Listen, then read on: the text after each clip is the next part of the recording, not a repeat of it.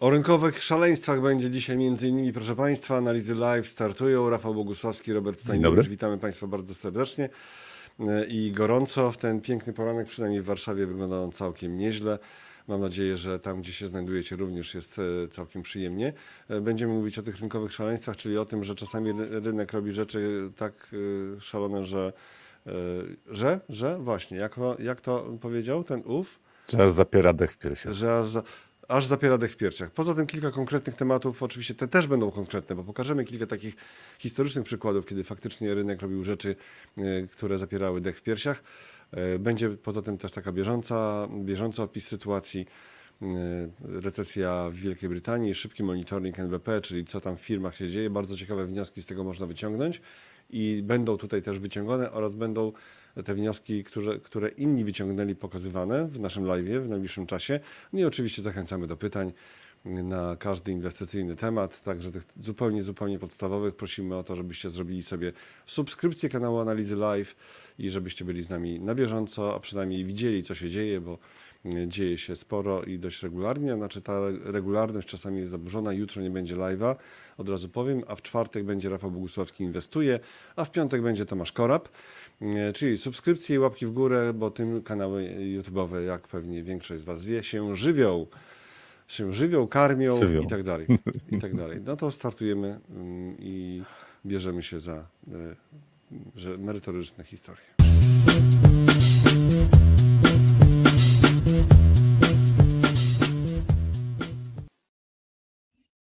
Zanim merytoryczne historie, to mam ogromną pokusę, żeby pomachać do Was z innego miejsca, tak? tak trochę kuchni, trochę kuchni. O, cześć, witam, witam gorąco, mm. tak?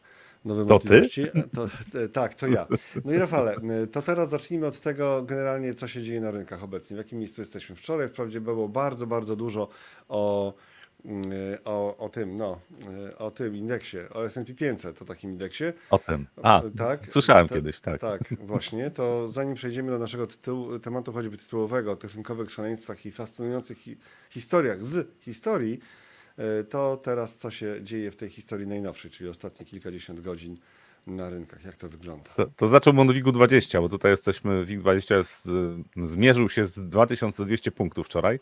Nie udało się ich pokonać. Znaczy na chwilę pokonał, ale potem się cofnął. I to jest taki poziom, który naturalnie, ze względu na to, że ostatni szczyt był lokalny szczyt był na tych poziomach, to tutaj jakiś, jakaś podaż może się pojawić e, i e, raczej nie jest to zaskakujące. Po tych wzrostach, które były w ostatnich tygodniach, no to można się było spodziewać, że e, po dopalaczach z końcówki ubiegłego tygodnia, to teraz rynek będzie e, testowany właśnie. Siła, siły byków i siły niedźwiedzi będą sprawdzane w najbliższym czasie, są nie tylko na WIG-u 20, ale tu bym zwracał uwagę na ten poziom 2200, bo wydaje mi się, że e, to jest pierwszy taki poziom, gdzie mogą zacząć się problemy, jeżeli chodzi o wzrost, y, zwłaszcza jakby się okazało, że w Stanach Zjednoczonych rynek trochę słabnie e, i przesłanek do tego, że przynajmniej najbliższy tydzień może być bardziej zmienny jest całkiem sporo i w Polsce i w Stanach Zjednoczonych. Więc WIG20 jest na poziomach 2200. Mm, ja zakładam, że 2400 to jest jednak dużo silniejszy y, opór, czyli no prawie 10% wyżej możemy się znaleźć, prawie.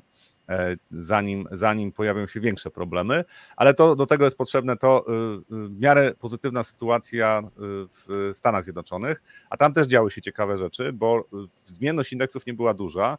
E, Russell 2000 trochę zanurkował, znowu, znowu pokazał słabość, ponad 1% spadki, natomiast Nasdaq i SP 500 lekko wzrosły, ale też widać, że zabrakło sił bykom, to znaczy nie były y, inwestorzy, którzy grają na wzrosty, nie byli w stanie kontynuować tej tendencji z końcówki ubiegłego tygodnia i teraz najbliższe dwa dni według mnie to będzie e, próba sił, to znaczy jeżeli rynek e, utrzyma się na obecnych poziomach, e, to jest szansa na to, że dość szybko wrócimy do trendu wzrostowego. Czy obecnych poziomach, czyli cofnięcie powiedzmy 1,5% to nie jest coś, co by mnie mocno zmartwiło. Jeżeli będą silniejsze spadki, no to prawdopodobnie rynek jest nieco słabszy, ale to też nie, nie wyklucza jeszcze dalszych e, wzrostów.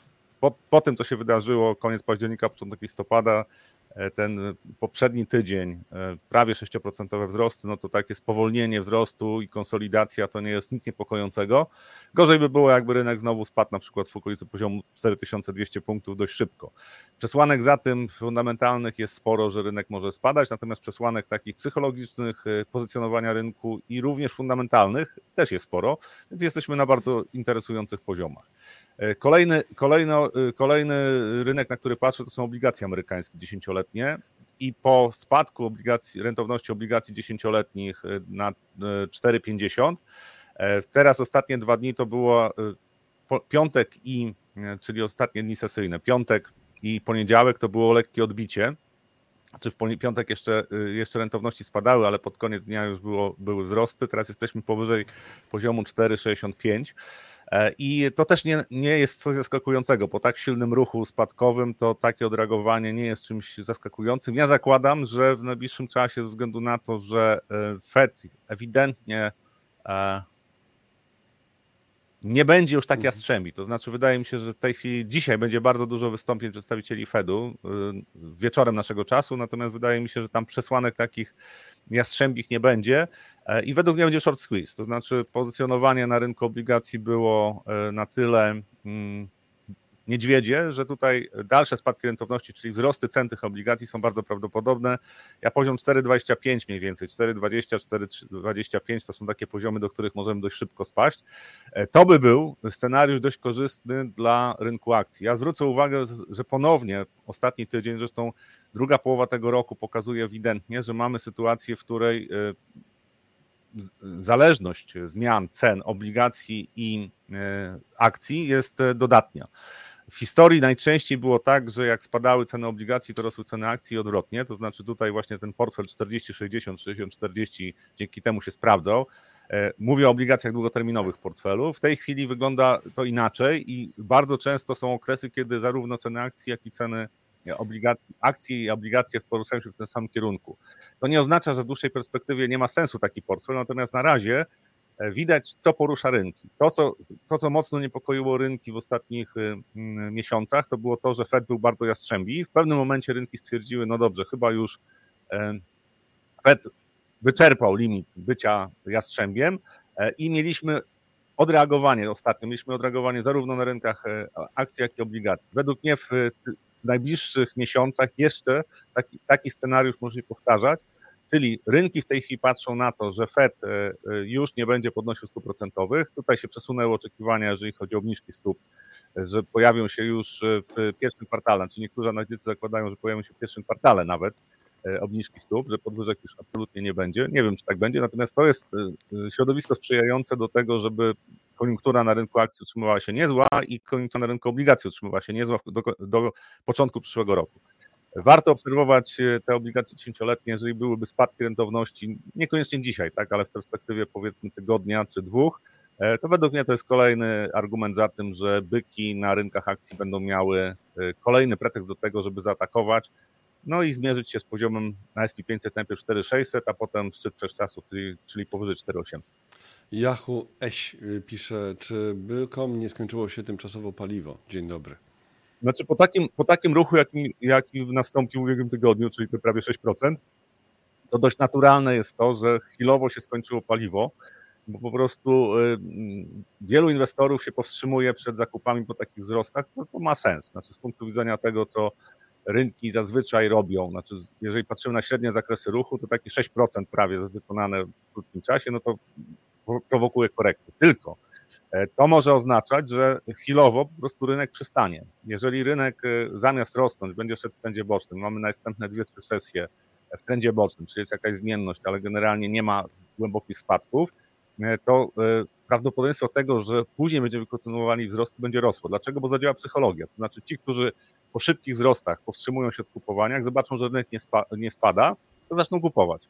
To tak mniej więcej rynek działa, więc Teraz najbliższe dwa dni według mnie to jest y, obserwacja rynku. Znaczy warto zwrócić uwagę na to, jak silny jest obóz byków, bo jeżeli nie, nie puści rynku, czyli będzie popyt się utrzymywał na, na akcjach, a patrzyłem te, na poszczególne zarówno big techy, jak i te większe spółki amerykańskie, tak analizowałem wczoraj mm, wykresy tych spółek, to tam e, no, jest przestrzeń do dalszych wzrostów. Znaczy niektóre spółki oczywiście mają, e, są w trendach spadkowych i mają problemy z powrotem trendu wzrostowego, na przykład Tesla według mnie będzie miała takie problemy, ale e, patrząc przekrojowo powiedzmy na 20 największych spółek, które najmocniej rzutują na, e, na e, indeks SP500, to jest szansa na kontynuowanie wzrostu. Znaczy tam są takie układy rynku, takie formacje, które raczej preferują scenariusz tego, że będzie dalej rynek rosnąć. Natomiast oczywiście pozostają fundamenty, pozostają obawy o wyniki spółek i tak dalej, i tak dalej, i tak dalej.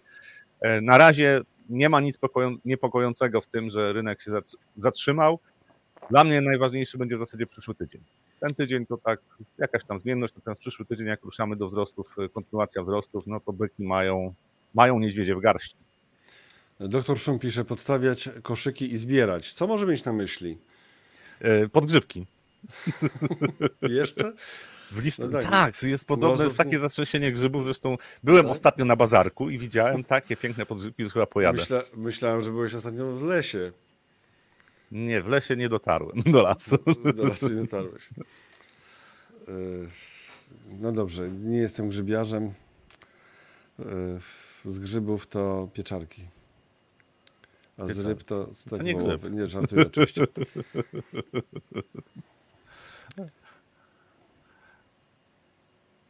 Odbicie zdechłego kosa, y, kota na SPX, na S&P 500, Mr. Tom pisze. No to zdechły kot 6% po spadkach rzędu 10%, bo od szczytu lokalnego mieliśmy 10% spadku mm, i odbicie teraz 6%, no to ten zdechły kot całkiem, całkiem żywy. Okej. Okay. Teraz kilka pytań, Rafał, i krótkie twoje strzały, proszę bardzo. E, Dobra. A czy fundy nie shortują dalej obligacji? Sortują. Sortują, mhm. dlatego szanse, szanse na short squeeze jest, są dość wysokie. Znaczy, według mhm. mnie jeżeli okaże się, że teraz rentowności nie chcą rosnąć na następnych dwóch, trzech dniach, to będzie y, panika. Znaczy tam zakładam, że po prostu ich wyciśnie jak cytryny. I, I to jest, to jest I... bardzo fajny y, moment dla, dla inwestorów, którzy chcą szybko zarabiać pieniądze, że to, to się zrealizuje oczywiście. Jeżeli to się zorganizuje, zrealizuje, zrealizuje to, tak. tak, poglądy, a nie rekomendacje. E, Paweł y, pisze, wszyscy zapakowani na krótko na rentowność, prędzej zobaczę rentowność w górę niż 4,20. Znaczy, jeżeli wszyscy są zapakowani na krótko, na rentowności, aha, że zgrają na spadki, ale nie są wszyscy zapakowani, wprost przeciwnie. No jak popatrzymy, jak popatrzymy na e, kontrakty terminowe, e, to przewaga niedźwiedzi, czyli tych, którzy grają na spadki cen nierentowności, jest bardzo duża. No to są, to są wskazania takie, które historycznie pokazywały, że e, prawdopodobieństwo, nawet jeżeli nie zmieni się tendencja trwale, prawdopodobieństwo odreagowania, czyli wzrostu cen obligacji, spadku rentowności jest wysokie.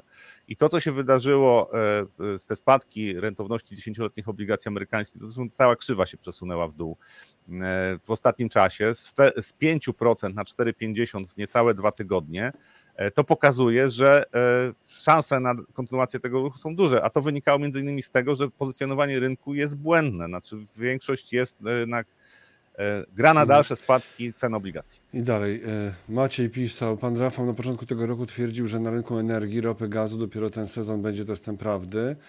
E, chyba trzeba by to bardziej rozpracować, no bo dużo zależy od pogody, prawda, w Europie, jeżeli chodzi, bo to chodziło po, bardziej o, o rynek europejski, Europę. prawda, czy tak, Europa sobie tak. poradzi, tak, no to bardzo dużo zależy od pogody. E, nie wiem, czy tam masz, w tym momencie patrzyłeś na to, jak tam wyglądają sytuacje tak, stan zapasów, tam... E, zapełnienie magazynów gazu i tak dalej, bo ja nie pamiętam tak z marszu, jak to teraz no, wygląda. Znaczy, patrząc na ceny gazu, bo to dla Europy jest ważniejsze, to przy, przy tym, że jest słabsza koniunktura w Chinach i tam ten popyt nie wzrósł tak, jak mógł wzrosnąć, no to już jest pozytywny scenariusz. Zapełnienie magazynów gazu jest wysokie, dlaczego? No bo to nie jest tylko kwestia tego w Polsce, że jest ciepło, ale w Europie generalnie też jest ciepło. Tam jakieś orkany, tam huragany mhm. przechodziły, ale generalnie generalnie jest ciepło, to znaczy jest jak na listopad, to temperatury są wysokie, więc zużycie jest mniejsze. Poza tym jest oczywiście to, co Europa zrobiła, czyli mm, e, oszczędności. Okazało się, że jeżeli chodzi o zużycie gazu, można dość szybko wprowadzić, co nie oznacza, że to nie ma odbicia na gospodarkę na przykład niemiecką, znaczy nie ma wpływu na gospodarkę niemiecką. Natomiast e, ze względu na pogodę, to w tej chwili e, wygląda na to, że nikt się tym nie martwi, no bo jak jest ciepło, mhm to tych zapasów wystarczy. Znaczy, no, Czy to musiało być naprawdę mrozy przez trzy tygodnie. takie pytanie od Macieja i ciąg dalszy tego pytania. Czy teraz sądzi tak samo, tak? Czy to będzie Znaczy test? patrzę na pogodę, to to ryzyko się zmniejsza. Natomiast e, jeżeli no, chodzi o chodzi, samą cenę energii. Pytanie jak to rozumieć, bo powiedziałem, mówiłeś, że to będzie test. No to może będzie test. Tak, że jeżeli, jeżeli zdany, no, dzięki pogodzie. Znaczy, jeżeli, będzie, jeżeli taka będzie pogoda, to będzie pozytywnie zdany, natomiast to nie znaczy, że w Europie E, nie ujawnią się inne zagrożenia, więc to jakby sam rynek energii to jest kwestia też e, mm, e, poziomu inflacji. Jeżeli ceny gazu, ceny ropy nie będą rosły, no to, mhm. to z inflacją będzie spokojniej. Natomiast jeżeli chodzi o koniunkturę gospodarczą, to nawet zdany test, jeżeli chodzi o e, poziom zapasów gazu ziemnego, czy, czy, czy zabezpieczenie dostaw gazu ziemnego, to nie jest wystarczające, żeby w Europie była dobra koniunktura gospodarcza. Mhm. Zachary pisze, czekam na Deus Ex Machina, jak to u Zacharego, e, bo wielokrotnie pisał o tym właśnie, na obligacjach amerykańskich. Podtrzymuje 4,25 dla dziesięciolatek w połowie 2024. Może ktoś zaprzeczy i tutaj Paweł, 4,25 w połowie 2024 będzie po obniżce stóp. No ja, myślę, że, ja myślę, że może być szybciej. To znaczy, patrząc na dynamikę rynku, to po prostu, e, znaczy w połowie 2024 też może być 4,25. E, natomiast może być tak, że na, jeżeli e, na przykład w najbliższy tydzień, tak, bo to rynek ma pewną dynamikę. E, nawet jak patrzymy na rynek obligacji, to da się opisać pewne zachowania też z punktu widzenia psychologii. To znaczy, jeżeli teraz idzie odbicie rentowności, mówię o rentownościach, tak, po spadku na 4,50 mamy wzrosty, zatrzymujemy się na, powiedzmy na 4,70 i te rentowności dalej nie rosną. E, na, pojawiają się dane, za chwilę pojawią się dane o inflacji w, w Stanach Zjednoczonych. E, te, te dane b, będą w miarę dobre, to znaczy nie, nie sądzę, żeby tutaj jak się jakoś wystraszył, czyli Fed patrząc na ostatnie dane chociażby z rynku pracy, nie ma specjalnie pretekstu do podwyższania stóp procentowych, to pytanie, co skłoni e, ludzi do wyprzedawania obligacji z rentownościami 4,70 dziesięcioletnich? Nic. A ci, którzy mają krótkie pozycje, poczują się nieswojo, będą zamykać te krótkie pozycje, więc tylko z punktu widzenia pozycjonowania rynku, czyli biorąc tylko to pod uwagę, to może się okazać, że ten ruch na 4,25 będzie szybko, to znaczy możemy to zobaczyć w grudniu nawet, e, jeżeli chodzi o obligacje amerykańskie, co nie znaczy, że potem rentowności nie wzrosną, tak? bo potem inwestorzy zaczną się zastanawiać, no dobrze, jaki to ma sens, sens, bo mm, inflacja w Stanach Zjednoczonych według mnie będzie na wyższym poziomie przynajmniej przez pewien czas. Ale krótkoterminowo to rynek według mnie jest przygotowany, rynek obligacji amerykańskich jest przygotowany do tego, żeby wycisnąć tych, którzy grali na spadki cen, e, czyli spadki rentowności mogą być szybkie i e, bolesne, jeżeli chodzi o tych, którzy mają krótkie pozycje na obligacjach amerykańskich. WIG 23 minuty po 9 minus 74%, to tak tylko informacyjnie. E, Piotr pisze, no dobra, ponawiam pytanie, to kiedy to się wszystko zawali? No to przejdźmy do kolejnego pytania. Gdzieś około e, za 4 miliardy lat, bo wtedy Słońce pochłonie Ziemię, tak? Znaczy to mm. tak z tego, co prognozo prognozują analitycy, to tak mm. będzie. To, to jestem przekonany, że mają rację. Okej. Okay. Doktor Szum, 4800 na S&P 500 do końca roku Możliwe? To znak możliwe, zapytania? Możliwe, możliwe. możliwe. Natomiast tak? mm, znaczy patrząc, ja, ja zawsze, ja mam w pamięci, znaczy jak człowiek długo żyje na rynkach, a ja mam to przypadłość, że żyję długo i w dodatku na rynkach, e, to cały czas pamiętam ten 99 rok. Ja wiem, ja wiem, ja mam obsesję tego 99 roku, ale to, co się wydarzyło wtedy, wyglądało na taki racjonalny ruch, że trudno to było w żaden, jakikolwiek sposób uzasadnić, poza psychologią. E, I e, teraz, patrząc na to, co się dzieje na rynku amerykańskim, to nawet łatwiej jest mi uzasadnić 4800 na SP500 do końca roku, niż uzasadnić wzrosty o 70% w 5 miesięcy na SP500 e, na Nasdaqu od listopada do marca, mhm. czyli od listopada 19 do marca 2000 roku. Są przesłanki, zresztą pani Sabmarian jest nie wypowiem mm. nazwiska w tej chwili. E, e, e, no ale kto? kto? To jest główny strateg JP Morgana chyba.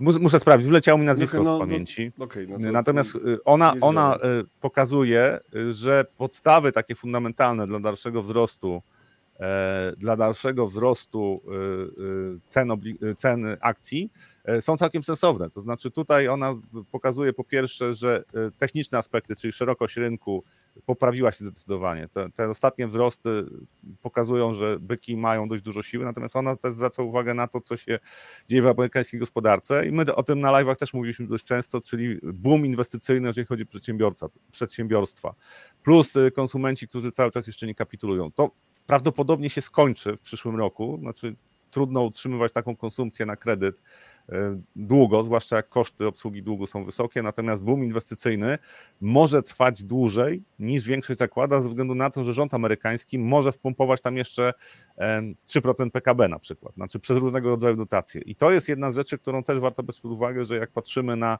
hamowanie gospodarki amerykańskiej, to naprawdę to nie musi nastąpić aż tak szybko. Zresztą ostatnie, ostatni rok pokazał, że przecież prognozowanie tej recesji w Stanach Zjednoczonych to w zasadzie wszyscy byli w błędzie, bo na początku roku już miała być recesja. Rok się kończy, ostatni odczyt 4,9, jeżeli chodzi o wzrost anualizowany, tak? czyli tak naprawdę kwartał do kwartału, tam trochę ponad 1-2% za trzeci kwartał był wstępny odczyt w Stanach Zjednoczonych, to jest daleko od recesji. To znaczy tutaj całkowicie pomyli się analitycy. No i, e, i, i patrząc na ten aspekt, no to ja zakładam, że tutaj może naprawdę być sporo pozytywnych niespodzianek, jeżeli chodzi też o gospodarkę amerykańską. Czy tak będzie, nie wiem, natomiast e, e, liczyłbym na to, że te 4800 będzie do końca. Panie Rafale, cała technologia jest przewartościowana. Szczyt na S&P 500 w tym roku już za nami, pisze Piotr. E, e, technologia jest przewartościowana od bardzo wielu lat, to znaczy patrząc na, na wyceny, to, e, to ta technologia jest, wyceny są mocno zawyżone, natomiast wyniki potem pokazywały, że ta technologia, no było uzasadnienie, żeby te wyceny były wysokie, czyli te duże spółki naprawdę miały wyższy, wyższy wzrost zysków niż mniejsze spółki, natomiast faktem jest, że teraz mnie to trochę niepokoi, że E, prognozy na czwarty kwartał i też e, reakcja rynku w ostatnich e, czasie na wyniki spółek to była kwestia też nie tylko samych wyników, ale również poziomu sprzedaży, to znaczy sprzedaż nieco rozczarowała. I obawy są takie, że najbliższe kwartały to jednak okaże się, że te duże spółki technologiczne przede wszystkim, ale głównie technologia, że będzie miała problemy, żeby utrzymać taki wzrost sprzedaży, a co za tym idzie też odpowiednią dynamikę zysków. Problem polega na tym, że takie prognozy to ja słyszałem mniej więcej y, co roku od wielu analityków od 2013 roku, że no to wyceny są takie, że tylko bardzo pozytywny scenariusz y, y, gospodarczy spowoduje, że są uzasadnione. Generalnie giełda amerykańska jest przewartościowana. E, I, e, no, i to wtedy byliśmy na poziomie tam gdzieś około 2000 punktów na SP500, jesteśmy 4400. E, I to w aspekcie tego, że amerykańskie spółki są przewartościowane. Jeżeli realizuje się scenariusz spowolnienia sprzedaży, e, mm, to prawdopodobnie te spółki technologiczne ucierpią. To znaczy, te wyceny faktycznie tego nie uwzględniają w takim stopniu, jak to może nastąpić. Natomiast ja jestem daleki od tego, żeby ufać e, tylko takim komentarzom dotyczącym właśnie przewartościowania spółek. Wracamy do Polski, Rafale, bo dziś jutro napisał właśnie orędzie prezydenta prospadkowe, łapać promocję, bo szybko się skończy. I rzeczywiście pokazywałem wcześniej, że WIG20 dzisiaj na y, starcie na dość, dość wyraźnym minusie, tam było ponad minus 7 dziesiątych. Y, teraz WIG20, no mniejszy minus, 51 ja, ja nie minusie. Bardziej mi się nie, wydaje, że to jest kwestia tym, techniczna. Tym, nie, nie, nie. O tym, nie. O tym nie mówiliśmy w ogóle, o orędziu i tak dalej, o tym, że y, Mateusz Morawiecki y, dostaje misję formowania rządu, y, co oczywiście je, no nie jest zaskoczeniem, że albo jest zaskoczeniem, nie jest zaskoczeniem z, z, pewnych powodów, z innych może być zaskoczeniem, że jednak mimo wszystko prezydent się zdecydował na to. Nie wprowadzałem tego tematu, bo nie wiem, czy on jest tak bardzo w tym momencie jakoś inwestycyjny. tak wiemy, że mamy jakiś zasób niepewności, bo jednak to wszystko bardzo długo trwa w Polsce po wyborach i będzie jeszcze trwało kilka tygodni, zanim się e, ten rząd poukłada, taki czy inny. E, więc to chyba gdzieś tam już jest, tak, w świadomości oraz w cenach, tak, jeżeli to, jeżeli rzeczywiście te czynniki polityczne miały wpływ, a widać było reakcję po wyborach ewidentną, więc to chyba nie jest jakiś duży czynnik, który by coś w tym momencie już zmienił, bo chyba wszyscy wiedzą, że jest ta niepewność. E, znaczy myślę, że wszyscy wiedzą, ja bym popatrzył na Europę. No, wczorajsza mhm. sesja w Stanach Zjednoczonych, koniec sesji, też e, osłabnięcie Teraz e, kontrakty terminu, nie są duże spadki, ale jednak na minusie. E, te spadki e, na Kospi, Nikkei i Hang Sengu, tak, dzisiejsze, bo dzisiaj wszystkie te indeksy spadają, to też nie poprawia sentymentu, więc my poszliśmy za światem. No, patrząc na to, co się dzieje w Europie, to, to te spadki mnie nie dziwią na WIG-20. Myślę, że ta decyzja ma bardzo niewielki wpływ na sytuację na naszej giełdzie. Kospi się jeszcze pojawił, bo też ktoś pisał tutaj właśnie o tym, że znaczną część tych wzrostów oddano, e, ale też chyba na Nikeju, ale pojawi się w pewnym kontekście, który jest dla nas ważny i dlatego e, związany z tytułem i dlatego na razie jeszcze odstawiamy na, bok Kospi. I teraz przelecimy kilka innych tematów. My Mówiliśmy o tym, co u nas, no to w takim razie powiedzmy o tym, co mówią firmy w Polsce, czyli szybki monitoring NBP, idzie ożywienie, a ja pytam, e, czy to znaczy, że inflacja też ożyje? I to pytanie podpieram jeszcze tweetem e, z, od ekonomistów z PKO SA, czyli analizy PKO. E, To ta ekipa, która mm, promowała hasło dezinflacja chyba jeszcze na, na początku prawie roku, czy tam w pierwszych miesiącach tego roku już bardzo wyraźnie mm, też pokazywała taki swoj, swoje zestawienie inflacji, jak to było, też z trzech miesięcy i zanualizowanej, tak, żeby pokazać, że ona jest w celu właściwie. Czyli tak trochę, No tak. tak jak to profesor Glepiński lubi o tym mówić, że ceny się już kilka miesięcy nie zmieniają, tak, więc żaden bank centralny nie słyszałem, żeby akurat e, tak podchodził do celu inflacyjnego. E, Fed jakoś nigdy nie mówił o tym, co się dzieje w, w ciągu ostatnich trzech miesięcy, tylko mówił po prostu o inflacji rok do roku, tak, że ona ma być już wyraźnie gdzieś tam w celu i do tego dążą, ale e, to zostawmy. Ważny jest monitoring i- to, co mówią firmy. Co to jest ten monitoring, Rafał, i co wynika z tego e, monit- monitoringu? Znaczy to je- monitoring to jest e, e, taka działalność badawcza NBP-u. On pyta firmy, jak wygląda ich sytuacja, czego się spodziewają, jakie są oczekiwania dotyczące inflacji, też poziomu zamówień, produkcji, e, sytuacji na rynku e, pracy, tak, czyli jak, się, jak zapatrują się na wzrost kosztów na, przykład, tak, związanych z wynagrodzeniami. E, Bardzo ciekawe informacje e, i tutaj analizy e, PKO, tak, analitycy PKO, którzy są chyba najbardziej dezinflacyjni, jeżeli chodzi o swoje prognozy, to zakładają, że w Polsce inflacja szybko przestanie być problemem. No tak. Wybrali naj, najważniejsze, najważniejsze rzeczy z tego przeglądu z punktu widzenia tego, co dotyczy koniunktury inflacji. I bardzo ciekawe wnioski są takie, że firmy spodziewają się ożywienia popytu krajowego i faktycznie to już wydaje mi się, że jest e, i, powału to widać ze względu na to, że to, co uderzyło bardzo mocno w e, konsumpcję, czyli to, co w Polsce jest decydujące, jeżeli chodzi o e, popyt w ogóle, to była był niski wzrost wynagrodzeń w stosunku do poziomu inflacji. I myśmy to dwa miesiące mi, temu minęli. Znaczy średnio wynagrodzenia, przynajmniej w dużych firmach, rosną szybciej niż rośnie inflacja, czyli ten realny popyt zaczyna rosnąć. To odbija się na sprzedaży detalicznej. Według mnie te dane będą się poprawiały w kolejnych mm, miesiącach i to jest taki argument za tym, że w Polsce koniunktura będzie się poprawiała. Z drugiej strony, jeżeli patrzymy na to, co się dzieje w firmach eksportujących, to tam jest marazm. To znaczy, e, pierwszy raz od bardzo, bardzo wielu kwartałów jest tak, że e, wykorzystanie mocy produkcyjnych przez firmy eksportujące jest niższe niż te, które produkują na rynek krajowy. Tak? To też można taką, takie dane wyciągnąć, o tym Ignacy Morawski mówił. To pokazuje, że z jednej strony wewnętrzny popyt będziemy mieli wyższy, natomiast z drugiej strony będziemy mieli e, hamowanie eksportu, ze względu na koniunkturę w krajach e, ościennych, zwłaszcza Niemcy, tak, to, to, jest, to się prezentuje dość słabo. No i teraz pytanie, co dalej, bo ja zakładam, że wzrost gospodarczy, wbrew temu, co y, tutaj z tych, y, z tych informacji, które zostały w monitoringu pub- opublikowane, e, wynika, to wzrost gospodarczy nie będzie tak optymistyczny, jak można by zakładać na podstawie tego, co się dzieje z popytem wewnętrznym.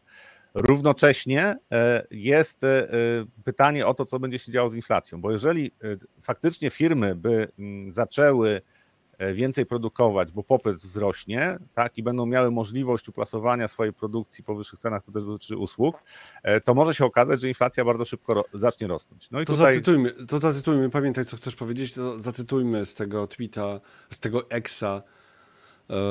Nawet w Stanach się śmieją z tego exa. Ostatnio słuchałem jakiegoś podcastu na Bloombergu po prostu i tam mieli ubaw z tego, że przecież nikt tak nie mówi, tak? Wszyscy ciągle mówią o tweetach. Dygresja.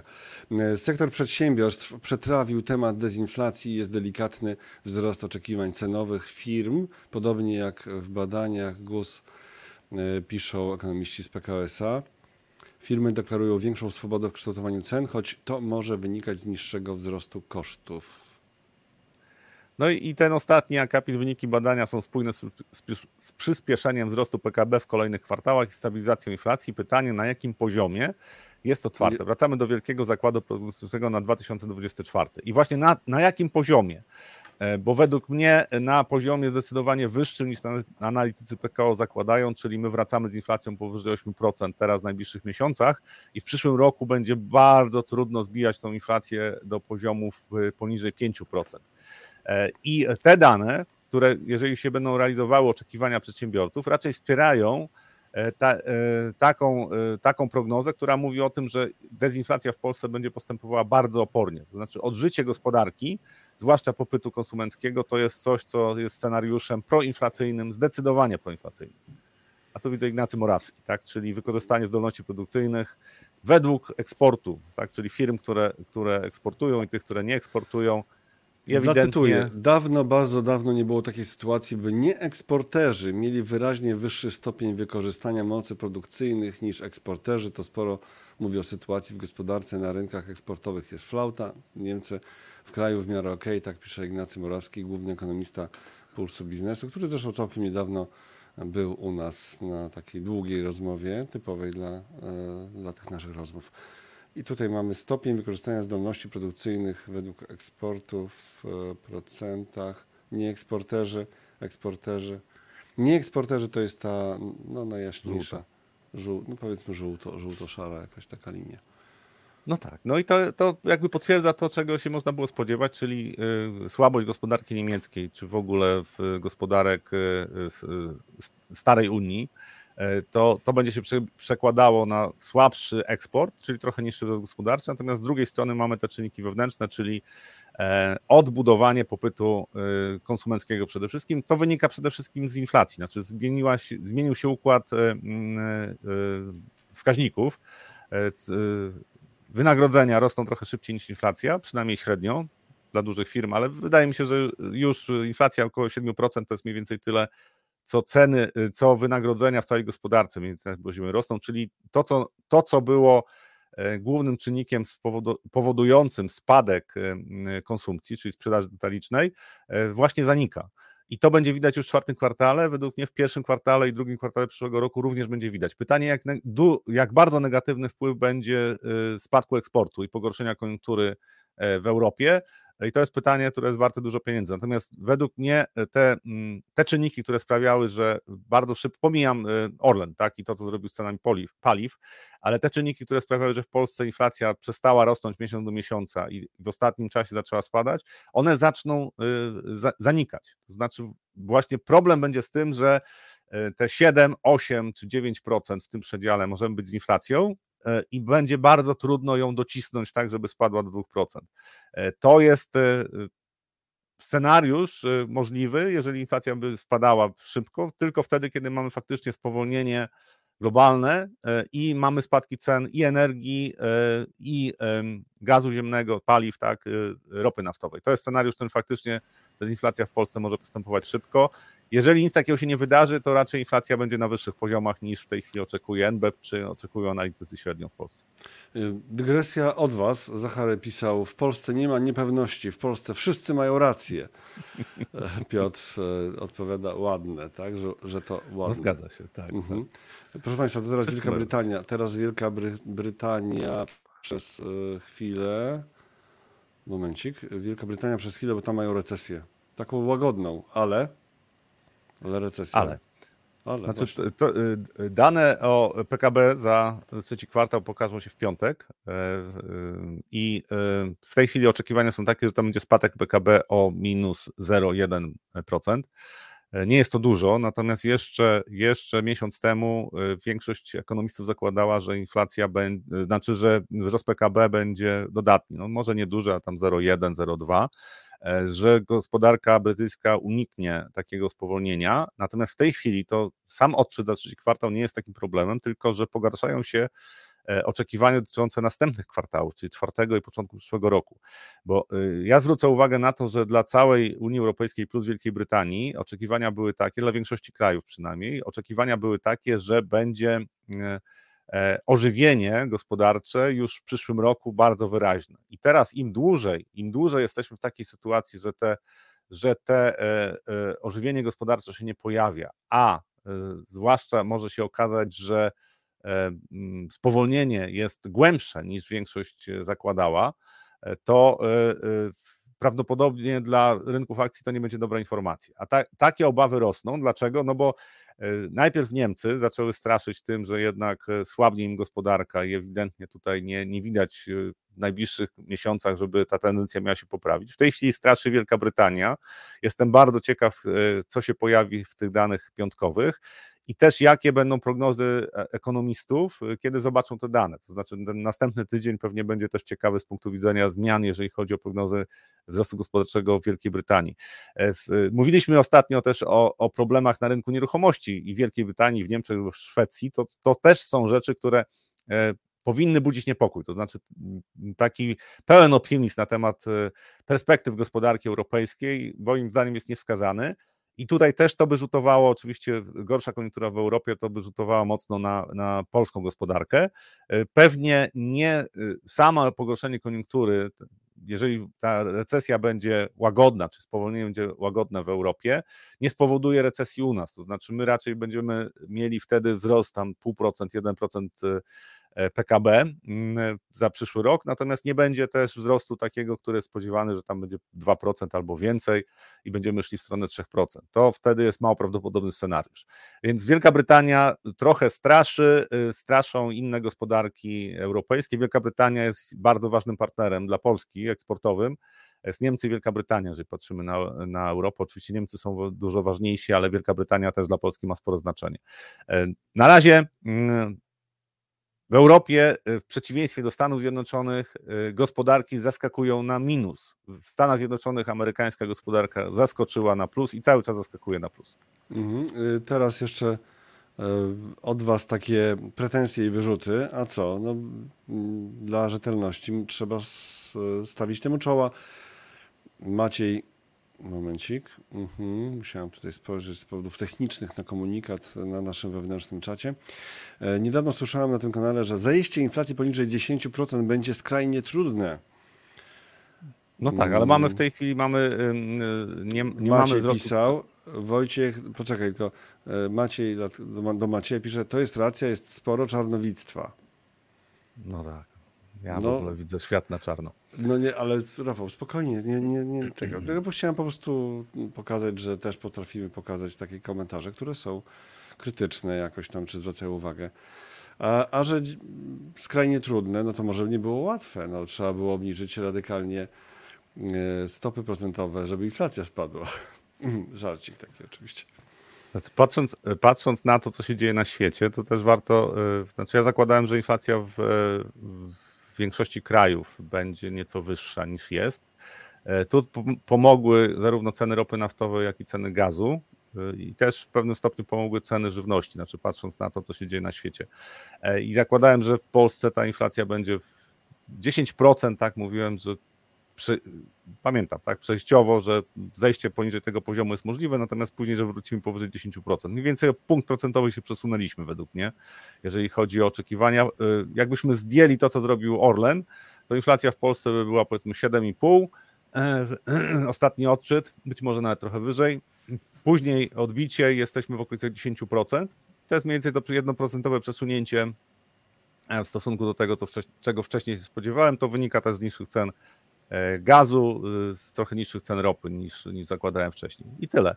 Natomiast y, ja te. Ja te ja, to nie ludzie ja... to wilki, Damla pisze, to nie ludzie to wilki. Nie, a, a skąd? No przecież e, rozmawiamy tutaj, to są poglądy, żadnych rekomendacji. Więc oczywiście ja, to ja o tych prognozach inter... mówiłem na początku roku i, i cały czas też podkreślam, że yy, yy, no, tak naprawdę to mnie mało interesuje, jaki będzie poziom inflacji w, w Polsce w perspektywie następnych dwóch, kilku kwartałów. Czy to będzie 7%, czy będzie 12%, y, to mnie dużo mnie interesuje niż to, czy faktycznie inflacja może spaść poniżej 5%. Mhm. To jest coś, co z punktu widzenia y, chociażby obligacji e, dziesięcioletnich to jest istotne. Tak. Ciekawe, ile będzie wynosić inflacja po likwidacji tarcz, pisze Zakubowski. No pytanie, no, czy one będą zlikwidowane? Chyba nie będą. Chyba tak, a pytanie poza tym, co będzie z ropą, co będzie z Chinami, z ich z chińską gospodarką, która w sensie wpływu na świat, tak? I mamy tam teraz deflacyjne historie, czyli jest w, jakiś, w jakimś sensie eksport dezinflacji następuje z Chin. Jak rozumiem, to też tak? jest to, to, co się dzieje w Chinach, to dla mnie też jest e, sporym zaskoczeniem, bo ja zakładałem, że tam chińska gospodarka być może jakoś gwałtownie nie przyspieszy, ale te y, właśnie spadki y, y, cen w chińskiej gospodarce, no to pokazuje, że tam no to jest czynnik, który przekłada się na cały świat. To jest duża gospodarka, druga, druga na świecie.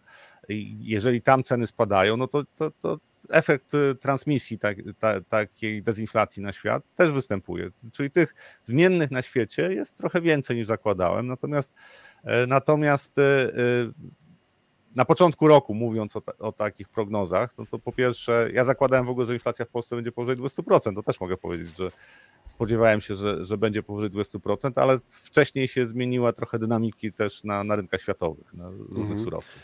E, ta... Więc prognozowanie jest obarczone błędem. Okej. Okay. okay. no.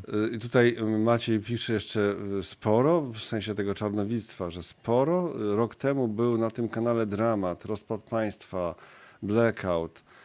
No bez przesady, bez przesady. No, czegoś takiego nie było. Znaczy ja wiem, ja za długo w tym siedzę, żeby nie wiedzieć jak to działa i wiem, że jedno słowo, które może czasami jest e, może nieostrożne, a może jest po prostu słowem, trafia na, na, na wzmacniacz. Widz ma w głowie wzmacniacz bardzo często. Macieju, myślę, że po prostu twój wzmacniacz tak zadziałał, że jakaś analiza, jakaś rozmowa. Rafał bardzo często podkreślał, że absolutnie nie wróży tego, że będzie jakieś, nie wiem, bankructwo Polski czy coś takiego, że będziemy drugą, czymś tam drugim, tak? Argentyną na przykład. Nie, no, no sorry, no pamiętam.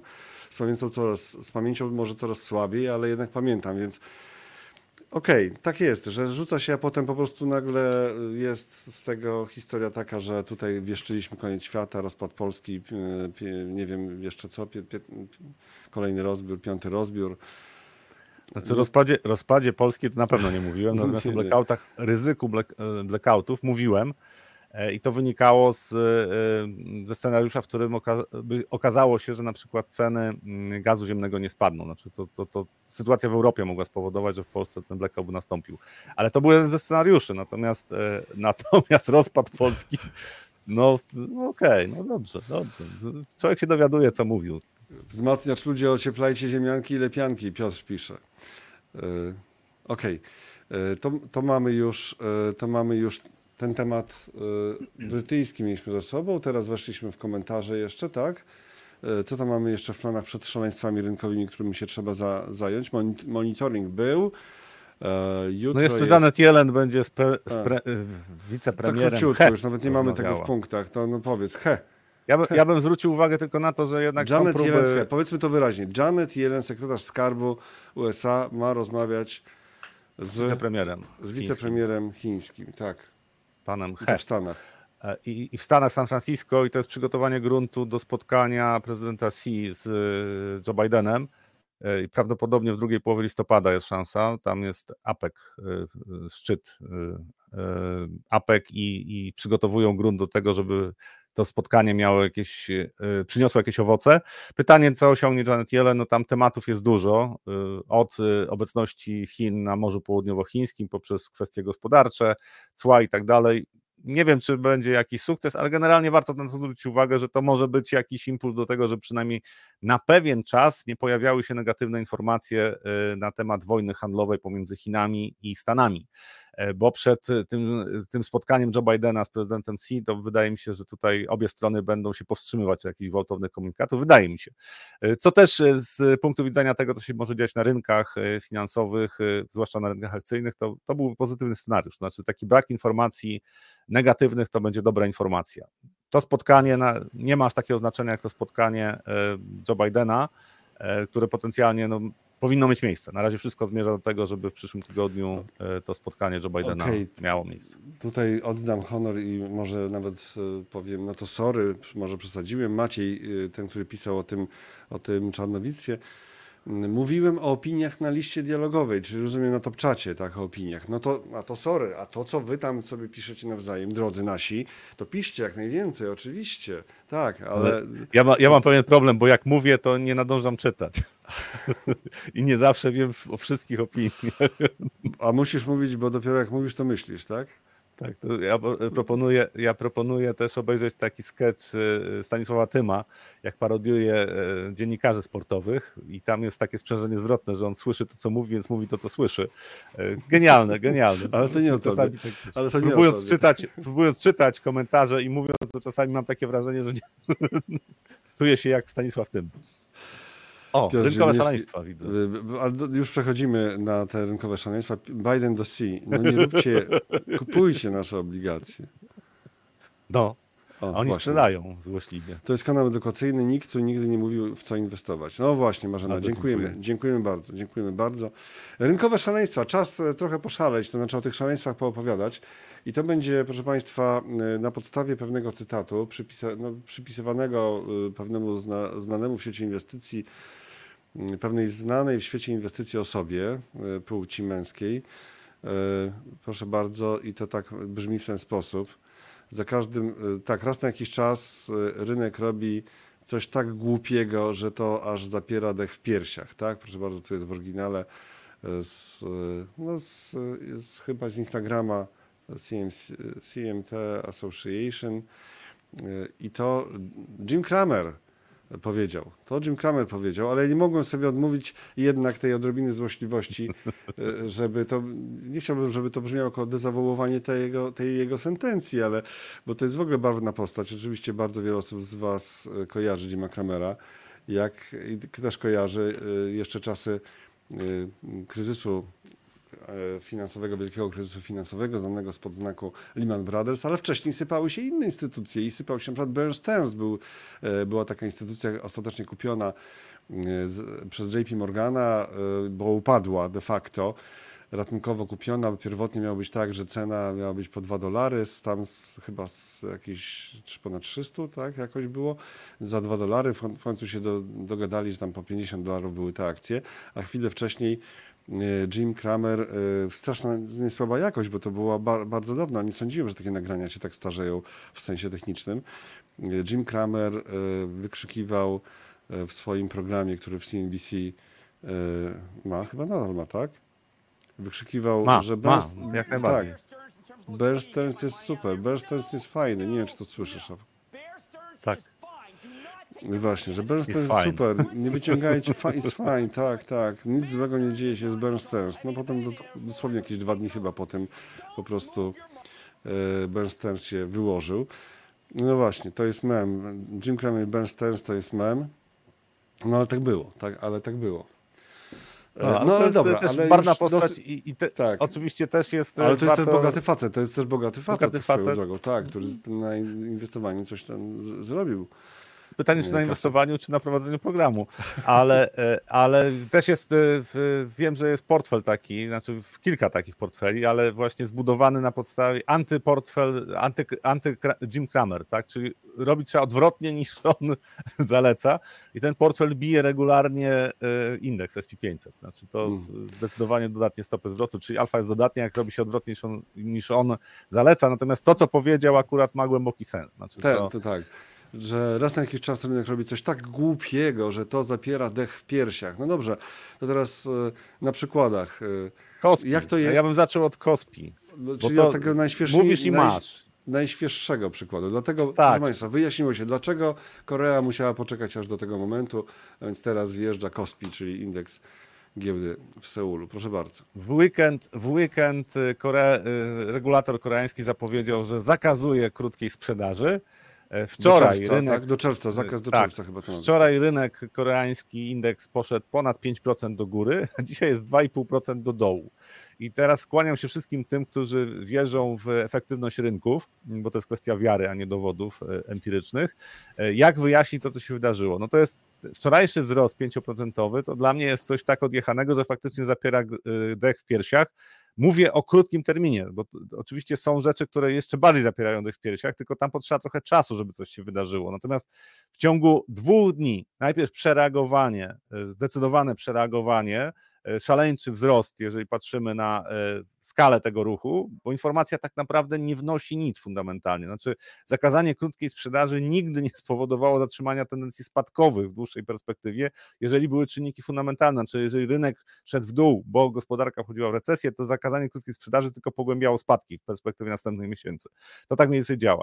Mamy e, ponad 5% w górę, mamy 2,5% w dół. Jak to wyjaśnić? No tym, że emocje rządzą. Po prostu w pewnym momencie, jak rynek zaczyna rosnąć, 5 e, i przekracza na przykład taki wzrost 3% dla, dla takiego indeksu jak Kospi, to praktycznie już nikt nie jest w stanie racjonalnie myśleć, po prostu większość tłumu się przyłącza do tych wzrostów, trwa do końca sesji, potem następuje odreagowanie. Ja nie wiem, czy tam pojawiła się jakaś kolejna informacja, jeżeli chodzi o Kospi, bo tego nie sprawdzałem, natomiast sama zmienność i sam, sama reakcja rynków dla mnie jest właśnie jedną z takich rzeczy, gdzie można powiedzieć wow, ale poszaleli. I przykładów e, rynkowych i krótkoterminowych i długoterminowych jest bardzo dużo, ze względu na to, że krótkoterminowych większość ludzi nie pamięta. Ja niektóre pamiętam, bo e, na przykład boleśnie odczułem niektóre sytuacje e, na, na rynkach, znaczy wydawało mi się, że pewne rzeczy są niemożliwe, przekonałem się, że są możliwe na własnym portfelu.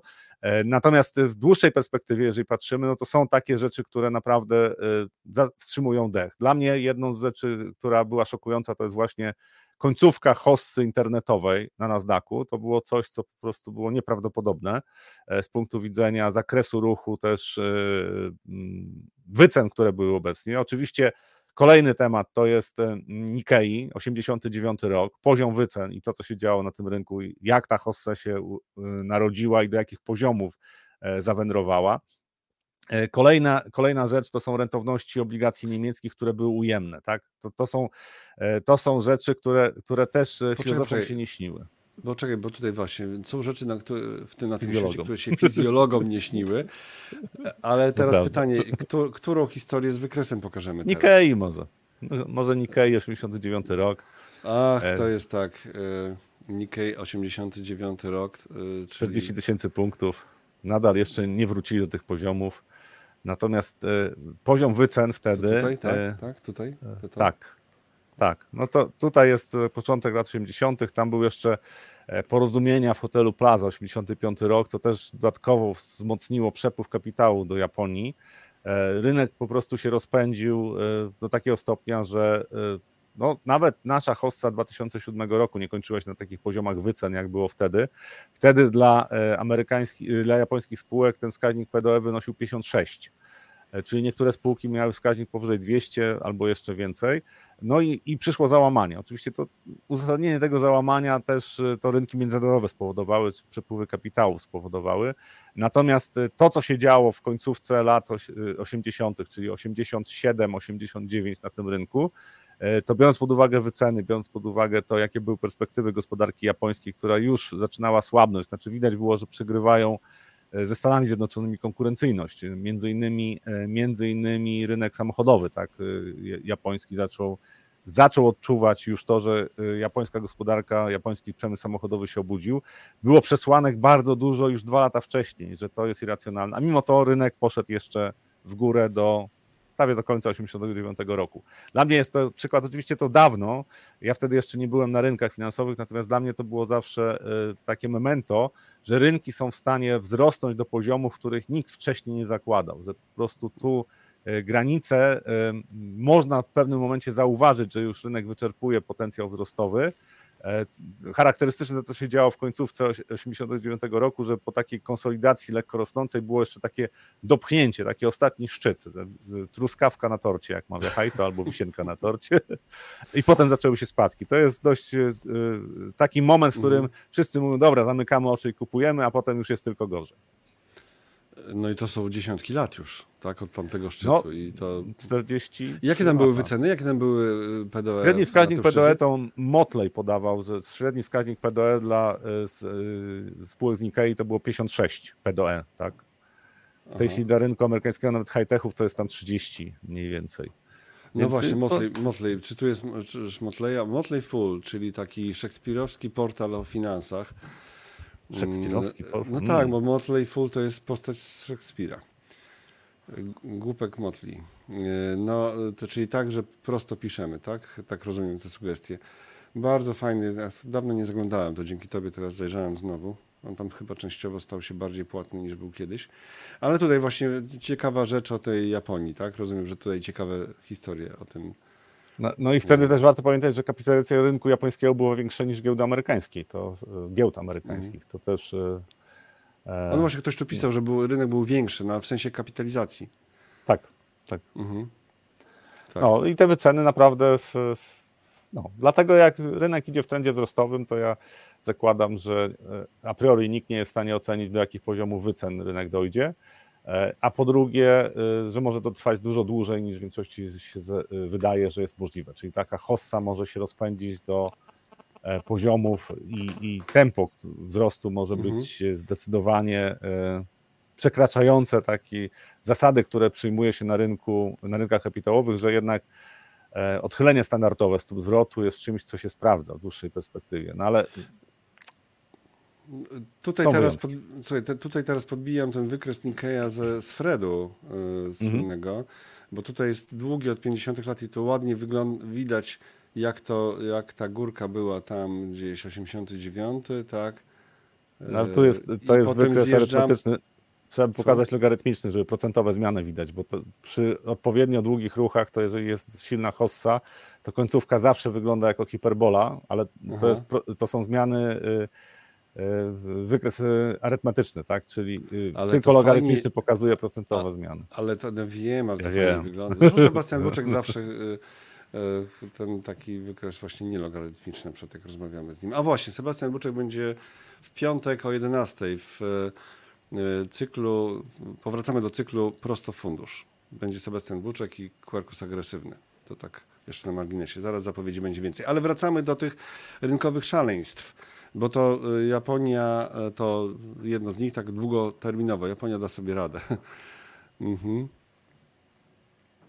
Japonia okay. da sobie radę. No pewnie da sobie radę. Słynny plac pod Pałacem Cesarskim w Tokio wart więcej od Kalifornii. Byłem na, na rynku, byłem na rynku, pamiętam. Mhm. E, Okej, okay. To proszę bardzo, proszę bardzo, no to gratulujemy. I dziękujemy za takie refleksje od kogoś, kto był na rynku wtedy. Hmm, to duża rzecz. E, co dalej? Co dalej mamy tutaj z tych e, szoków? No, Nasdaq, Nasdaq, no. Nasdaq 99. Nasdaq 99, tak. Czyli bańka internetowa wtedy, kiedy internet ledwo działał jeszcze, kiedy się w wielu miejscach na świecie, no w ogóle się łączyliśmy po modemach, tak, i trwało to trochę i wtedy już wszyscy uwierzyli, że za chwilę te firmy będą sprzedawać. Wy, no. Historia, znaczy wyprzedzono e, histo- epokę, tak, bo 20 lat później faktycznie to działa, 20 parę, wtedy nie urzekła historia pewnych młodych przedsiębiorców amerykańskich, którzy e, złożyli prospekt do SEC-u i e, zebrali z rynku 100 milionów dolarów, a w prospekcie napisali, że jeszcze dokładnie nie wiedzą, co będą robili na, e, w internecie, ale na pewno coś będą robili.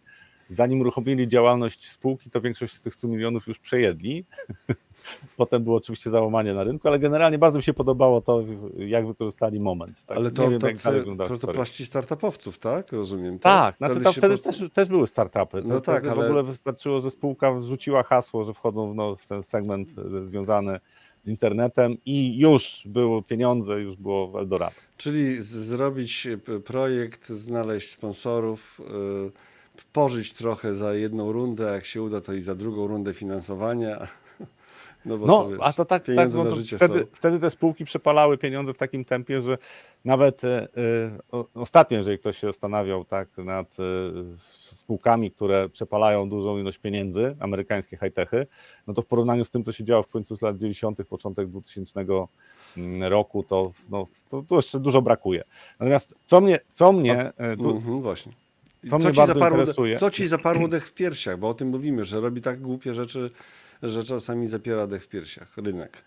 No, y, y, te dwie czarne linie, które tutaj są na wykresie naniesione, to jest listopad 99, y, marzec 2000 roku i to, co się działo wcześniej, to taki ząbek, taki spadek wcześniej, to jest pierwszy taki spadek, patrząc od tych czarnych linii, o tutaj właśnie, to jest 98 rok i tu jest kryzys rosyjski, Fed się przestraszył, zaczął obniżać e, stopy procentowe, bo mm, była obawa, że problemy systemu bankowego europejskiego rozleją się na e, cały świat. I tu niedużo brakowało, to znaczy tam e, bank, oddział Fedu nowojorski dał linie kredytowe sektorowi bankowemu europejskiemu, włoskie banki francuskie, niemieckie chyba też korzystały z wsparcia ze względu na to, żeby po prostu utrzymać płynność, e, bo Long Term Capital Management to był taki hedge fund, który po prostu chciał mm, zarabiać pieniądze, a mało nie wywrócił całego systemu bankowego, bo mieli e, lewar dwudziestokrotny mniej więcej, czyli tam 100 miliardów dolarów w pewnym momencie było potrzeba, żeby utrzymać płynność na rynku.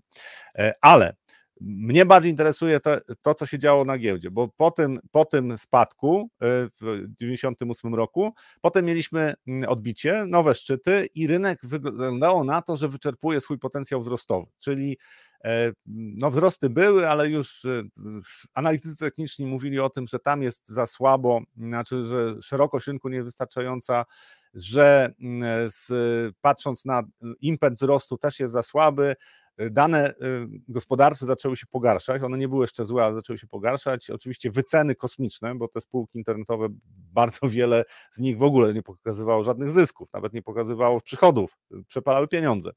E, I od listopada mniej więcej zaczął się kolejny ruch wzrostowy, który wyniósł y, Nasdaq mniej więcej tam 60-70% w górę.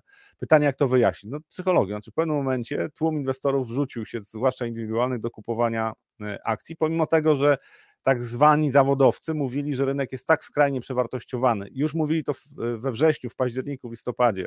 Mówili o przewartościowaniu rynku, że niemożliwe, żeby były dalsze wzrosty. Co ciekawe, wielu z nich zmieniło zdanie w lutym albo marcu, zmieniało zdanie, że no może ta hossa faktycznie to teraz świat będzie wyglądał inaczej. Wtedy się pojawiały te hasła właśnie, że tym razem jest inaczej, bo internet da takie możliwości, że to nieważne, że jeszcze przez dwa lata spółki nie, nie będą miały cashflowu dodatniego, w ogóle cashflowów nie mają, ale świat wygląda inaczej. I, e, I wtedy rynek zakończył te wzrosty. I to pokazuje, e, bo naprawdę ja analizując wtedy rynki, patrząc na to, co się dzieje na rynkach światowych, też patrzyłem na rynek polski, ja wtedy zarządzałem funduszem akcji, patrzyłem na rynek polski i, i, pamiętam, że w lutym 2000 roku pojawiły się dwie rekomendacje ABN AMRO, Jedna to była dotyczy Optimusa i strasznie mi się podoba ta e, rekomendacja. Ją zachowałem w wersji papierowej.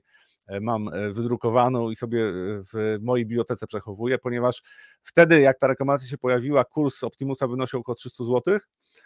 Natomiast analityk, który napisał tę rekomendację, uzasadnił, że spółka ma takie perspektywy przed sobą, że on metodą ostrożnościową wycenia ją na 500 zł, ale w zasadzie to ona jest bezcenna. E, rok później, e, półtora roku później Optimus kosztował 30 zł. E, I drugie dotyczyło Procomu, też, też mniej więcej 30% wyższa wycena niż Procom wtedy kosztował. Półtora roku później Procom kosztował. Czego, czego, czego? A co to jest Pro? A co to, co to jest? Procom, to, to była taka spółka. To pan Krause kiedyś miał taką spółkę. Mhm. Potem wszedł w sektor olejowy, i okazało się, że to nie był dobry ruch. A Procom tracił, tracił, tracił, tracił, tracił. Znaczy ja bym powiedział, tracił. że wszedł w sektor wiertniczy, bo tam tego, tej ropy to tam ja nie wiem w końcu, czy cokolwiek Okazało się, że bo wiercenie, bo wiercenie wejść... bez pozyskania ropy nie jest dobrą strategią. To jest inny sektor, bo to jest inny sektor, bo sektor naftowy to jest wtedy, kiedy już tą ropę ktoś ma, tak? A jeżeli tylko wierci i wierci, no to znaczy, że dziękuję, dziękuję. to jest albo sektor dziękuję, poszukiwawczy. Tak, masz rację, absolutnie. Tak. tak Sektor tak. poszukiwawczy, tak, i wiercenie od wydobycia ropy to jest dość długa droga, okazało się. Tak, tak, oczywiście. Ja wiem, co to jest Prokom. Jestem na tyle stary, że wiem, co to jest Prokom. To ci, co informatyzowali ZUS. Dokładnie, taka historia. No bo zakładam i mam nadzieję, że są też osoby, które na przykład nie mają pojęcia, że była taka spółka jak Prokom, bo tutaj zajrzały i zostały i, i chcą trochę posłuchać czasami. E, tak, z WIG-u 20, tak, tak, tak, oczywiście. Znaczy ja, ja, ja tylko Paulina, dzień dobry, dzień dobry Paulina. Dzień dobry Paulino, czekamy na jakieś wpisy bardzo merytoryczne. Bardzo. Ja, ja, ja o tym mówię po prostu z punktu widzenia tego, co się dzieje z psychiką ludzi, czyli psychologia tak się zmienia, że ludzie przestają krytycznie podchodzić do, nie weryfikują tych informacji, które napływają, ale, ale też nie próbują odpowiedzieć sobie na pytanie, dobrze, jeżeli pro, e, Procom, tak, ale powiedzmy ten Optimus, tak, ma kosztować 500 zł, to y, tam wycena była PDE ponad 100 wtedy, jak dobrze pamiętam, e, to co się musi wydarzyć w najbliższym czasie, bo to już jesteśmy po silnych wzrostach rynku, tak, co się musi wydarzyć w najbliższym czasie, żeby te wyceny były uzasadnione. Ludzie nie przestają sobie zadawać takie pytania. Kolejny przykład, możemy przejść do następnego, czyli mm -hmm. rentowności niemieckich obligacji dziesięcioletnich ujemne, i to dla mnie jest szaleństwo. Znaczy, to, co się działo, jak pojawiły się ujemne rentowności obligacji w Europie i jak czytałem uzasadnienie tego, że to jest tak, no teraz to jest nowa rzeczywistość, że w ogóle to jest coś, co znaczy gospodarka światowa tak się transformowała, że nie będzie już e, wzrostu e, stóp procentowych, bo po prostu no, tak się zmieniła gospodarka. I tutaj te rentowności dziesięcioletnich obligacji, tak, czyli 2019-2022 mamy ujemne rentowności obligacji niemieckich dziesięcioletnich. Na świecie w ogóle te wszyscy analitycy się ekscytują tym, że już było łącznie obligacji z rentownościami ujemnymi, wartość tych obligacji już była 16 bilionów, 17, 18 i się zastanawiali, do jakich poziomów to dojdzie. No i potem mieliśmy 2022 i weryfikacja tego, w co wszyscy uwierzyli. Znaczy, ujemne rentowności obligacji, czyli ktoś, kto kupuje taką obligację, rząd niemiecki też emitował obligacje długoterminowe z ujemnymi rentownościami, czyli zysk dla rządu, znaczy powinni wyemitować jeszcze więcej, w ogóle powinni zalać rynek tymi obligacjami i sprzedać tyle, ile mogli, no bo jeżeli mogli sprzedać, na przykład e, mogli sprzedać e, obligacje z e, rentownością minus 0,2%, no to dlaczego nie sprzedawać? No oczywiście gdzieś musieli te pieniądze utrzymywać, a banki w Niemczech E, miały problem z tym, że miały nadpłynność i też chciały karać klientów ujemnymi e, opłatami, znaczy opłatami za utrzymywanie depozytów. Nie, nie, że banki płacą depozyty, ale e, płacą procentowanie od depozytów, tylko że po prostu będą pobierały pieniądze. I to się działo też w Polsce, zaczęło się dziać, ale tutaj dość szybko się sytuacja zaczęła zmieniać. Natomiast ja zwracam uwagę na to, że jeżeli ktoś w 2012, 2014, 2015, kiedy już było wiadomo, że EBC będzie kupował obligacje i będą ujemne stopy procentowe, jeżeli ktoś wtedy e, prognozował, że rentowności e, niemieckich obligacji mogą spaść poniżej 0,5%, bo tak było, e, to byłby wyśmiany. Znaczy ja uważałem, że to jest niemożliwe. Natomiast rynek pokazał, że to jest możliwe. I to znowu ten okres, to był czas, w którym mi zapierało dech w piersiach, jak patrzyłem na obligacje, i patrzyłem na to, że jest ktoś, kto kupuje obligacje z ujemnymi rentownościami. Oczywiście uzasadnienia są do tego, bo w Europie część instytucji nie mogła kupować innych obligacji, musiała kupować obligacje mm, e, krajów e, ze strefy euro albo Unii Europejskiej, takie regulacje. Y, nie chcieli mieć całego portfela bardziej ryzykownego, czyli na przykład nie chcieli mieć jakichś obligacji, które mają wyższy, wyższe ryzyko, jak na przykład włoskie obligacje, chociaż tam też rentowności zostały sprasowane do granic absurdu. E, ale to, co jest charakterystyczne w takich momentach, to jest to, że większość nie zauważała absurdalności tej sytuacji. To są takie momenty, w których zmienia się potem paradygmat. Znaczy zostały stworzone warunki do tego, żeby y, to, co się wydarzyło w 2022 roku, żeby dla większości było szokiem. E, my nie wrócimy według mnie do, do tego, co się wydarzyło, do takich poziomów rentowności w, w, z 2019-2020 My nie wrócimy według mnie w tej dekadzie, to znaczy mało prawdopodobne jest, żeby się e, coś takiego powtórzyło. Ale wtedy uzasadnienie ze strony inwestorów, którzy wybierali na przykład e, takie fundusze albo mówili o tym, żeby inwestować w obligacje e, długoterminowe, bo rentowności mogą jeszcze spadać, no, byli przekonani, że mają, że mają rację. Ja uważałem, że tutaj jest pewien błąd rozumowania, znaczy kupowanie obligacji z ujemnymi rentownościami jest strategią, która jest w dłuższej perspektywie strategią przegrywającą. No to teraz kolejne, y, jak to było, że robi coś tak głupiego, że aż zapiera dech zapiera w piersiach. Dech w piersiach. Tak? Zapiera dech w piersiach. To co teraz zapierze? Mhm. Y, co teraz za, zaprze dech w piersiach, albo wspomnienie tego, czyli na przykład dolar po 2 złote. Tak. Ja wtedy byłem w Radzie Nadzorczej jednej spółek, jak przekonałem się, y, jakie zawarli transakcje. W końcu się dowiedziałem, to mocno zbladłem. Natomiast y, opcje, pomijając opcje, już opcje, opcje, tak, opcje walutowe, opcje. tak zwane bezkosztowe. Bezkosztowe. Które, które były tak bezkosztowe. Brać, brać, brać, tak, brać, brać, tak. Tutaj oczywiście ten, taki, ten... Nawet był, no, były z tym historie naprawdę też dla tych, którzy już mają parę lat i pamiętają, co się działo w 2000... Kiedy to wybuchło? 9, tak? 8, 9 zaczął już jak się znaczy, przy... latem, latem 2008 e, roku były minima, Jesień 2009 to był już początek paniki na rynku. Znaczy październik to był pierwszy taki moment, kiedy y, inwestorzy zauważyli i szefowie y, spółek giełdowych, którzy bezkosztowe obligacje kupowali, zauważyli, że coś się dzieje nie tak.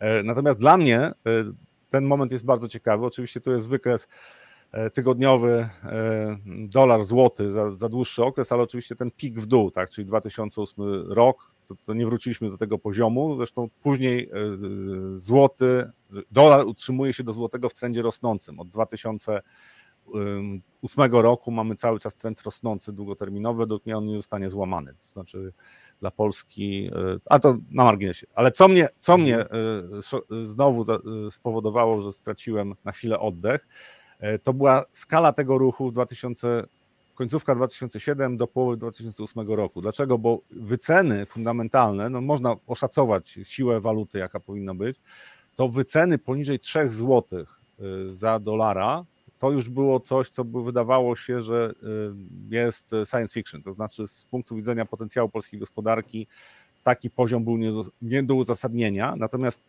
te spadki, które nastąpiły w 2008 roku, nastąpiły pomimo tego, że większość analityków mówiła, ostrzegała o tym, że jednak y, złoty jest mocno przewartościowany, że y, to, co się dzieje na złotym, jest y, działaniem spekulacyjnym, napędzanym bardzo często przez mechanizmy rynkowe. To znaczy, właśnie ten, jednym z argumentów było to, że e, po pierwsze był popyt na kredyty frankowe, to była jedna z rzeczy. Tam banki musiały wykonywać operacje, które też powodowały, że miały trochę więcej e, potrzeb, jeżeli chodzi o, o zabezpieczenia walutowe. Natomiast ważniejsze było też to, że te bezkosztowe opcje spowodowały, że e, po drugiej stronie pojawiły się duże banki inwestycyjne i one powodowały, y, między innymi amerykańskie, one powodowały to, że jakby y, sam przepływ kapitałów był zaburzony. To znaczy, wydawało się, że to jest winda, która może podróżować tylko w jedną stronę, czyli złoty się będzie dalej umacniał.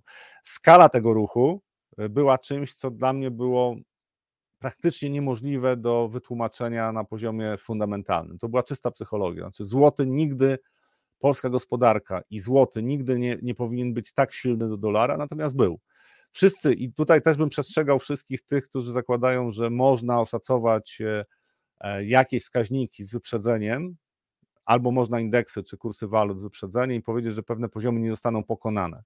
Jeżeli są sprzyjające warunki, to rynek właśnie robi coś takiego, zapiera dech. Ten 2008 rok to dla mnie to było e, e, czyste szaleństwo, które w żaden sposób fundamentalnie nie było uzasadnione, patrząc właśnie na siłę nabywczą naszej waluty, patrząc na to, jak porównywać e, parytety tak, siły nabywczej polskiej waluty do innych, do innych walut, to to, co się działo z polskim złotem, to, była, to był scenariusz, który ja, ja tego scenariusza nie wymyśliłem, natomiast e, ci, którzy próbowali się przeciwstawić, znaczy zajmowali długie pozycje na e, dolarze w 2008 roku, e, ponieśli gigantyczne straty. Ja miałem też ludzi, znajomych, którzy, którzy po prostu twierdzili, no nie, 2,60 do jakiego poziomu kurs dolara może spaść? No 2,60 to maks. Ja mówię, no, okej, okay, jak jest silny trend, to może być dalej. Więc znowu kolejny przykład na rynku walutowym, że co pewien czas pojawiają się sytuacje, w których naprawdę takie fundamentalne podejście, racjonalne się nie sprawdza. Znaczy trzeba obserwować, mhm. co się dzieje z rynkiem, czy rynek nie wejdzie w fazę e, szaleństwa, e, bo co pewien czas w taką fazę wchodzi. E, Paulina, która do nas dołączyła niedawno, pisze o Korei i tym zakazie krótkiej sprzedaży do czerwca, ale my już o tym mówiliśmy dzisiaj, więc nie będziemy do tego, do tego wracać.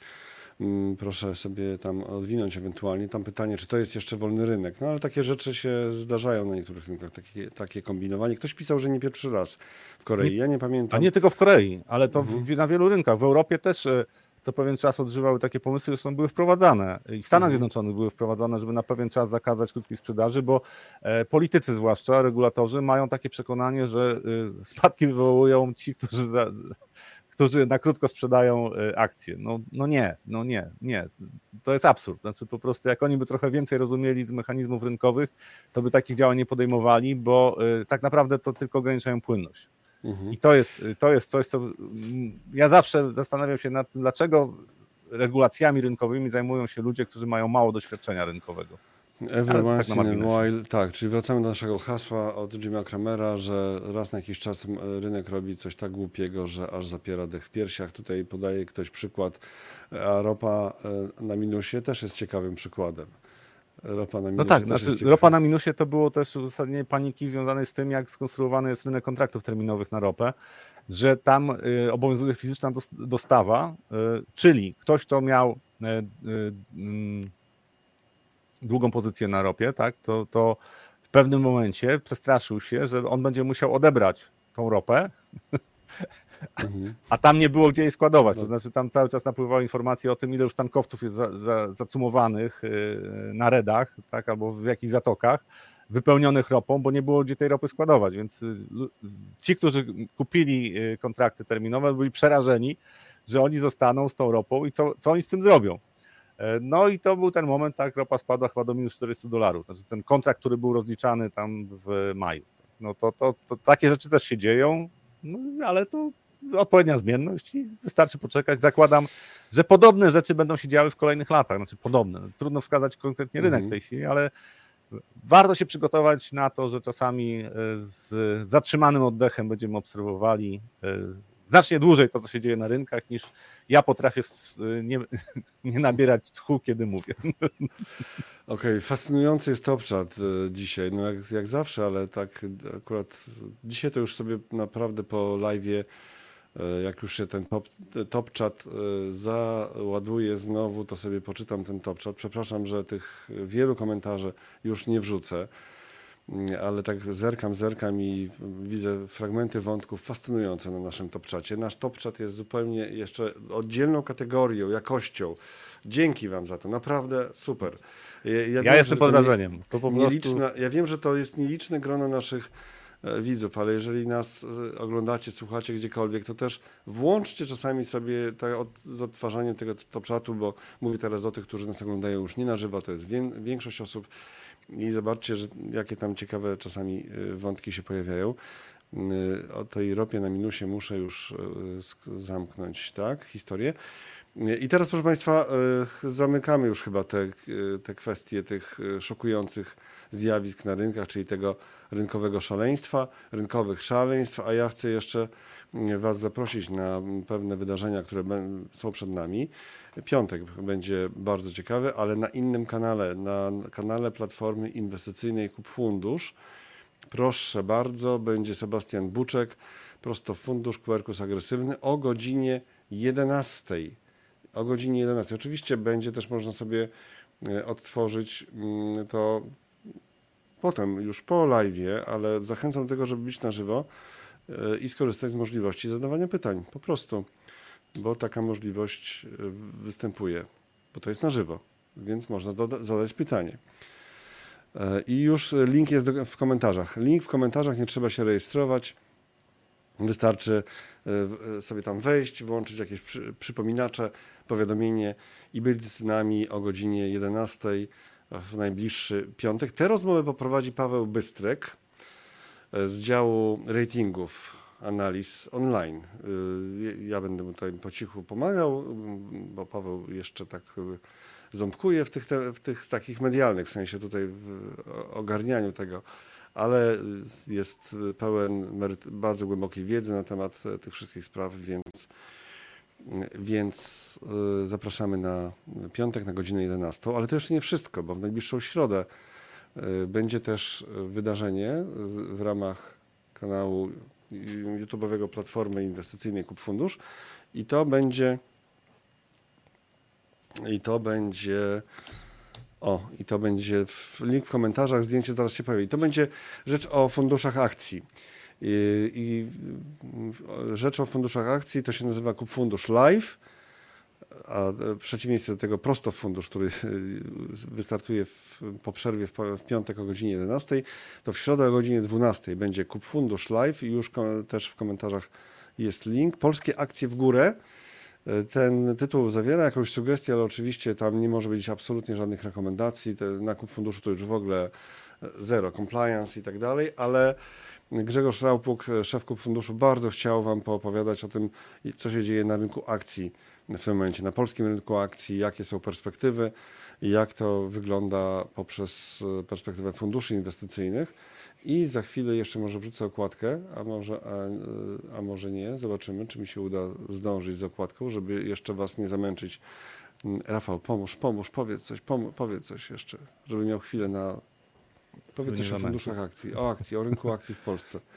Znaczy, rynku tak, akcji w Polsce, znaczy patrząc, patrząc znowu na to z perspektywy różnych y, mm, mm, scenariuszy, które mogą w danym czasie się wydarzyć, to ja bym cały czas zwracał uwagę na to, że od 2020 roku jesteśmy w, w takich O, warunkach rynkowych, które może się okazać, że te, te, te zaskakujące ruchy, czyli to, co, to, co się, to, co przekracza taki statystycznie możliwy ruch, bo czasami to się wydarza na rynkach, jest bardziej prawdopodobne niż było przed 2020 rokiem. Jesteśmy cały czas w takich obszarach niepewności statystycznej i historia pokazuje, że nawet jak mieliśmy tam 2008-2009 rok, to, to, to takie rzeczy mogły się dziać. Według mnie w tej chwili prawdopodobieństwo takich wydarzeń, czyli to, co jest tak bardzo mało prawdopodobne, ale może się wydarzyć, ono trochę wzrosło. I warto o tym no, pamiętać, mhm. kiedy ktoś mówi, że na pewno coś się wydarzy w najbliższym czasie.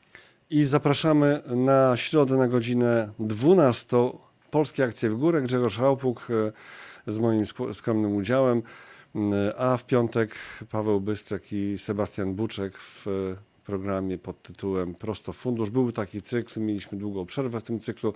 Tam po prostu zapraszamy zarządzających i mówimy o konkretnych funduszach, ale to nie jest żadna reklamówka, bo tam e, ci zarządzający są poddawani ostrzałowi e, pytań, e, także od Was. I jak najbardziej zachęcamy do tego, żeby wziąć udział i też pytać na żywo. Oczywiście, jak będzie tych pytań dużo, to jest ryzyko jakieś, że nie wszystkie się tam pojawią, zmieszczą, bo czas jednak jest ograniczony. Kiedyś rekordowo tam były też chyba za dwie godziny, w tym prosto w fundusz, czy nie więcej jeszcze, ale to był jeden z długo, z, z powoli mówiących zarządzających, to trzeba przyznać, e, ale bardzo ciekawie mówiących. I tak wygląda ten tydzień, a w czwartek jest jeszcze RBI, czyli Rafał Bogusowski inwestuje, zajrzymy do portfela. No i słuchajcie, to tyle na, na dzisiaj już, definitywnie tyle na dzisiaj. Jutro nie ma live'a, jest mm, Kup Fundusz Live, czyli polskie akcje w górę o godzinie 12. Dobrze, to tyle na dzisiaj. Trzymajcie się, dobrego dnia, pozdrawiamy gorąco. Do zobaczenia.